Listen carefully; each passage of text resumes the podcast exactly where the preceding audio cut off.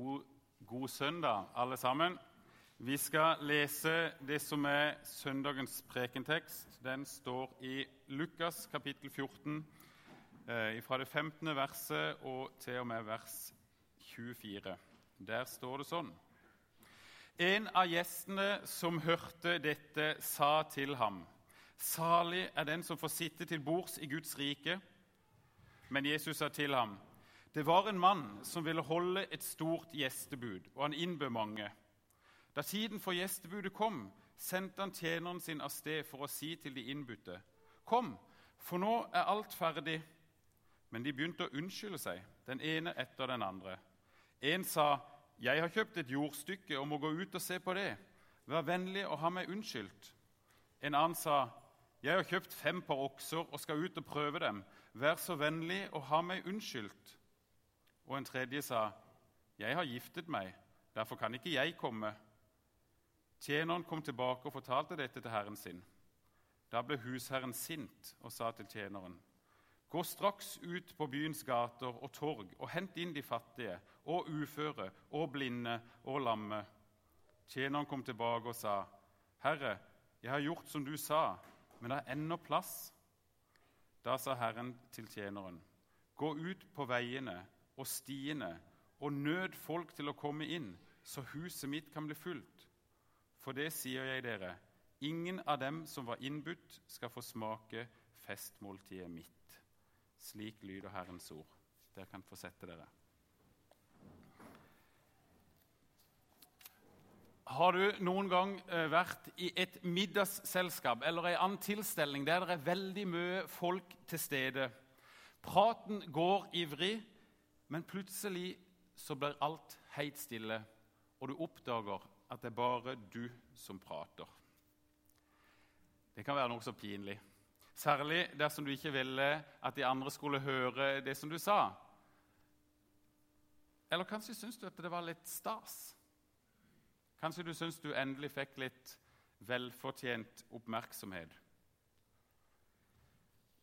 Noen ganger så kan det bli helt stille fordi det er noen som sier noe som liksom ikke passer helt inn. Noe som pirker borti på en sånn en måte at det blir ukomfortabelt å sitte der. Kanskje det var det som var tilfellet i den teksten som vi leste nå, i den historien. Kanskje det er det som får en av gjestene til å skyte inn Salig er den som får sitte til bords i Guds rike. Det er sabbat, og Jesus er i et middagsselskap hjemme hos en av de øverste fariserene. Det står i begynnelsen av kapittel 14. Og Der er han sikkert sammen med ganske mange andre eh, prominente religiøse mennesker. Og de voktet nøye på ham, står det. De hadde han under oppsikt. De fulgte med. Gjorde Jesus noe som de kunne ta han på? Gjorde han noe uhørt? Religiøse mennesker har det med det å holde de andre under oppsikt. Sånn var det da, og sånn tror jeg jammen med det i dag òg. Og Jesus han gjør noe som for fariseerne er uhørt. Han helbreder en mann som er der, og det på en sabbat. Men han gjør det på en måte på, eh, som, som, setter den religiøse elit, eh, eliten i forlegenhet. For de klarer ikke å irettesette han. Og når han har gjort det, så begynner han å pirke borti gjestene som er samla med bordet. For han har lagt merke til hvordan de prøver å få seg en god plass høyt oppe med bordet for å liksom symbolisere rang. Men Jesus han går i rette med dem og sier at dere skal være ydmyke. Dere skal heller sette dere nede, lenger nede med bordet. Og så kan verten be dere høyere opp etter hvert dersom han vil det. Og så kan dere, istedenfor å bli ydmyka foran de andre, vinne gunst. Og Jeg tror de følte seg litt ille berørt av det han sa, for han pirka borti dem. Men som om ikke det var nok, så fortsetter Jesus med å henvende seg til verten han sier til verten at når du holder gjestebud, så skal du ikke bare invitere venner og brødre og naboer og de som er rike, for de kan gjøre gjengjeld. Nei, når du har gjestebud, så skal du invitere de som du ikke kan forvente å få noe som helst igjen av. Du skal invitere de fattige. Du skal invitere de vannføre, de lamme og de blinde. Og kanskje ble det temmelig stille. Og når det blir sånn stille, så er det godt å ha noen som kan komme med en replikk som får alt til å bare gå over. Sånn at vi kan ha det hyggelig igjen. Sånn at vi ikke trenger å bruke så mye tid på å tenke på det som har blitt sagt. Og Kanskje var det det han forsøkte, han som innleder den teksten som vi leste i dag. Det blir som om han sier, ja, 'Blir det ikke flott når vi kommer til himmelen, dere?' Men så istedenfor at alt blåser over, så er det som om Jesus snur seg til han òg og sier, 'Men hva gjør det så sikker på at du blir med dit?' Og Så forteller Jesus denne lignelsen om det store gjestebudet. Vi skal trekke fram noen forskjellige momenter fra lignelsen i formiddag. og La oss begynne med verten, han som innbyr til fest. Og Det første som slår oss med denne verten, er kanskje det at han er så utrolig sjenerøs og raus. Han vil holde et stort gjestebud. Det var ikke bare noe smått og puslete. Nei, det skulle bli en stor fest med mange inviterte og mye mat. Og så sender han ut invitasjon. Det var vanlig med en dobbelt invitasjon til sånne gjestebud. Først en invitasjon til festen for å liksom sjekke hvor mange som kommer. Hvor mange må jeg lage mat til? Hvor mange må jeg forberede for? Og så et nytt bud når alt var stelt i stand. Dette var før mikrobølgeovnen, før fryseren. Eh, og det var ikke bare å slenge en middagsporsjon fra Fjordland inn i, i mikroen når gjestene sto på trappa. Det tok tid å forberede. Og når alt var klart, så sender han ut tjeneren sin. Og så sier han at nå kan dere komme. Nå er alt ferdig. Det er klart til fest. Det er bare å komme. Og så begynner altså folk å unnskylde seg. Nei, det passer ikke likevel. De hadde nok takka ja til den første invitasjonen, men nå, når dagen var kommet, så hadde de bedre ting å ta seg til, syns de. Verten han utvider innbydelsen. Ok, Her er det jo veldig mye mat, og alt er klart. Gå ut og inviter de som du treffer på gata. De fattige og blinde, de uføre og lamme. De som er i en sånn forfatning at de ikke kan gjøre gjengjeld. Men ble fortsatt ikke fulgt. Da ber verten tjeneren om å gå enda lenger ut. Gå utenfor byen og nød folk å komme inn, så huset mitt kan bli fullt. Verten vil ha fullt hus. Og jeg tenker at Gud er sånn som denne verten. Går det an å si at Gud er raus? Er det et ord å bruke på Gud? Jeg kjenner en som, som uh, sa noe sånn en gang at Gud er raus. Jeg vet ikke om han skrev det, eller om det var et radiointervju, eller noe sånt, men det var iallfall én som reagerte. Det går vel ikke an å si at Gud er raus? Gud er jo hellig. Og Han ringte denne bekjenten av meg og påpekte dette. Vennen min han eh, svarte noe sånn som Er det sånn at du får kalle deg en kristen? Ja, mannen som ringte, han måtte vedgå det. Og så vil du si at Gud ikke er raus, sa vennen min da. Og jo, Gud er raus. Han er ikke sånn at han ikke tar nøye på ting, men raus, det er han. Ellers hadde han aldri invitert meg inn i sitt selskap. Det må jeg ærlig innrømme. Når de som var invitert, begynte å unnskylde seg, så utvider verten invitasjonen to ganger fordi han ville ha fullt hus. I kapittelet før hos Lukas så er det en som spør Jesus er det få som blir frelst. Jesus han svarer ikke direkte på det spørsmålet. Han sier heller noe om hvordan man blir frelst. Det er om å gjøre å gå inn døra mens den ennå er åpen. Når husbonden har lukka døra, så er det for seint. Men det er ikke sånn at Gud bare vil frelse få. Han som vil at alle mennesker skal bli frelst og lære sannheten å kjenne, står det om Gud i 1. Timoteus brev kapittel 2 og vers 4. Gud vil ha fullt hus. Han har en frelsesvilje som gjelder alle. Gud innbyr til fest. Det er en ting som jeg, jeg tenker vi godt kan legge merke til i dagens tekst. En fest. Ikke noe stusslig, lite og lukka selskap med te og kjeks. Selv om te og kjeks sikkert kan være bra, det. altså. Vi, men vi vet åssen det er når vi blir invitert på fest. Da kler, vi oss opp. Da gleder vi oss. Da feirer vi. Da er vi glade. Og jeg tenker Er det sånn vi blir sett på av de som ikke hører til hos oss, av de utenfor? Er det sånn vi ser på oss sjøl? Et festende folk?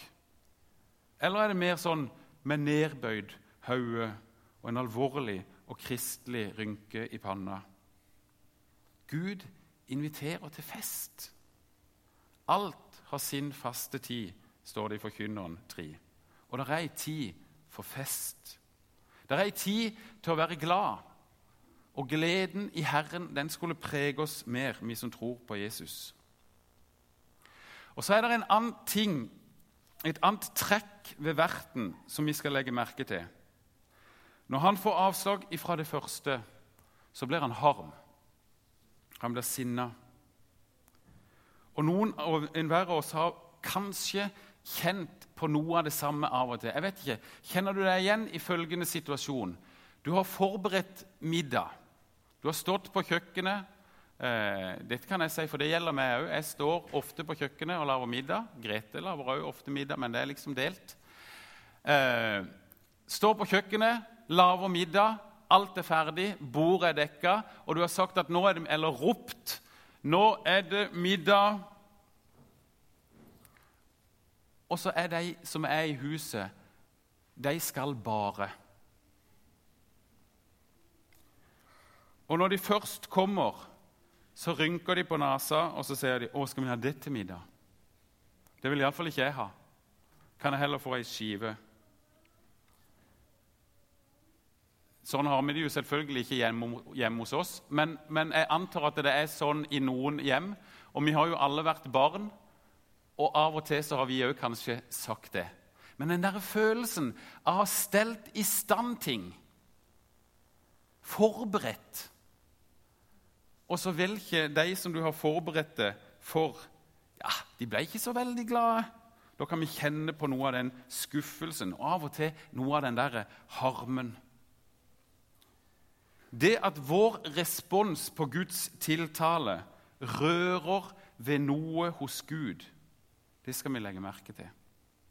Han er ikke likegyldig til åssen vi svarer når han innbyr oss. For han bryr seg om oss. Har du merka skuffelse, sinne eller oppgitthet når du har stelt i stand til fest, og de som du hadde innbydd, plutselig ikke kunne komme likevel? Ja, Da tror jeg du har vært i kontakt med noen følelser som også Gud har, når han har gjort alt ferdig og invitasjonen blir avslått. Gud sendte Jesus til verden for å frelse deg og meg. Jesus han har ordna alt som skulle til for at du og jeg skulle få være i evigheten i sammen med han. Han har betalt for alle våre synder. Han har gjort opp alt vi skylder Gud. I Han så har vi syndenes tilgivelse og fred med Gud. Det er alt vi trenger for dette livet og for evigheten. Og så er det så mange som takker nei. Rører det ved Gud? Ja, det tror jeg at det gjør. Og Det var jo det som var tilfellet med de første. De takka nei. De som var innbudt. Og det er de vi skal se litt mer på nå. For antageligvis så takka de ja først til den første invitasjonen.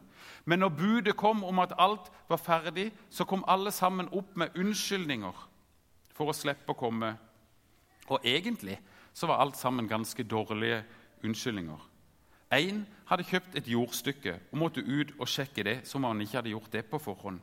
En annen hadde kjøpt noen okser og måtte sjekke dem. En tredje hadde giftet seg og måtte sjekke hvem det var han hadde gift Nei, det var ikke Nei. Sånn var det ikke. Men uansett, alle sammen hadde dårlige unnskyldninger. De hadde noe annet som de heller hadde lyst til å gjøre, og så avslo de. Og Det er jo egentlig en utrolig uhøflig ting å gjøre. Det er skikkelig mangel på folkeskikk. Hvem takker først ja, og så når alt er klart, sier nei? Men egentlig så var det det de jødene, de skriftlærde fariseerne, gjorde. Gud han hadde sendt ut en invitasjon. Han hadde forkynt at Messias skulle komme, og de gudfryktige, de venta. Ja, de lengta etter den dagen. Men når Jesus han står fram og sier 'Her er jeg', Guds rike er kommet nær, festen kan begynne, så avslår de han. De vil ikke ha noe med han å gjøre. Han var ikke sånn som de hadde tenkt. De hadde noe som var viktigere for dem, og så avviser de han. Rett før Jesus kommer til dette middagsselskapet hos fariseerne, så er det vi finner den teksten der Jesus ser ut over Jerusalem og sier Hvor ofte vil jeg ikke samle dine barn, som en høne samler kyllingene under vingene sine? Men dere vil ikke. Men dere ville ikke. Rører det ved Guds hjerte? Ja, i høyeste grad. Han lengter etter mennesker. Han lengter etter nærhet. Og han har gjort alt som skal til for at det skal være mulig. Men det er så mange som ikke vil. De vil ha Gud. De venta på hans Messias, men når han kom, så ville de ikke vite av han. Det går ikke an å ha Gud uten å ha Jesus. Og så hører vi unnskyldningene i dag òg. Gud kan jeg godt forholde meg til, men Jesus nei takk. Dersom det er sånn å være kristen, ja, da vil iallfall ikke jeg. Er det liksom bare å ta imot Jesus, og så er jeg kristen? Nei, det er altfor enkelt. Alt det der med kristendommen og Jesus, det ser så smått og puslete ut. Jeg har så mye å gjøre. Jeg har ikke tid.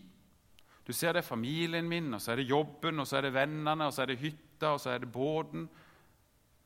Ja, for vi holder på med så utrolig mange viktige ting. I teksten vår er det eiendom og forhold til andre mennesker. Og Dette kan være vel og bra i og for seg, men i Bibelen så er ofte de satt opp som en trussel mot disippelforholdet til Jesus. Hva er dine viktige ting? Hva er de tingene du velger før du velger Han? Pass på at de tingene ikke ødelegger disippelforholdet ditt til Jesus. For det er det som er det viktigste. De hadde egentlig ingen gode grunner til å takke nei. Sånn tror jeg egentlig det er. Vi kan synes at vi har gode og vektige grunner, men egentlig så er det bare dårlige unnskyldninger. Og så bryr Jesus seg om de utstøtte, de fattige, de vannføre og blinde og lamme. Når ikke den religiøse eliten tar imot, så går Jesus til de utstøtte. Han åt med tollere og syndere. Han brydde seg om de som ikke de andre brydde seg om. Ikke lenge etter dette så demonstrerer Jesus i praksis. En blind tigger med veien for å møte Jesus, og, og tolleren Sakkeus blir frelst. Til og med til de som var utenfor bymuren, ville Jesus gå. Her kan vi tenke på de som ikke tilhørte Guds folk, altså israelsfolket. Og det er oss. Det står at han skulle nøde de å komme. Kanskje tok de ikke imot invitasjonen sånn uten videre. Ikke fordi de ville, kanskje, men fordi de kanskje ikke syntes at de var verdig en sånn invitasjon. Kanskje har vi noen sånne òg iblant oss i dag. Du har hørt om Jesus gang på gang så har du hørt forkynnelse om han. Du har hørt om han som vil ha alle, om han som døde for dine synder. Men det er liksom for godt til å være sant. Hadde du bare visst, tenker du kanskje, hadde du bare visst åssen jeg har det Jeg er nok from og fin på utsida, men innvendig der er det så mye rot, så mye skitt, synd. Nei, jeg er ikke verdig. Hør, Gud kjenner deg tvers igjennom. Han vet og hvem du er. Han vet hva du har gjort. Og likevel så vil han ha deg med på festen. Og han inviterer deg til den festen akkurat nå. Og invitasjonen, det er det siste vi skal se på. For åssen er den? Åssen er invitasjonen fra kongenes konge og herrenes herre? Jo, den er sånn.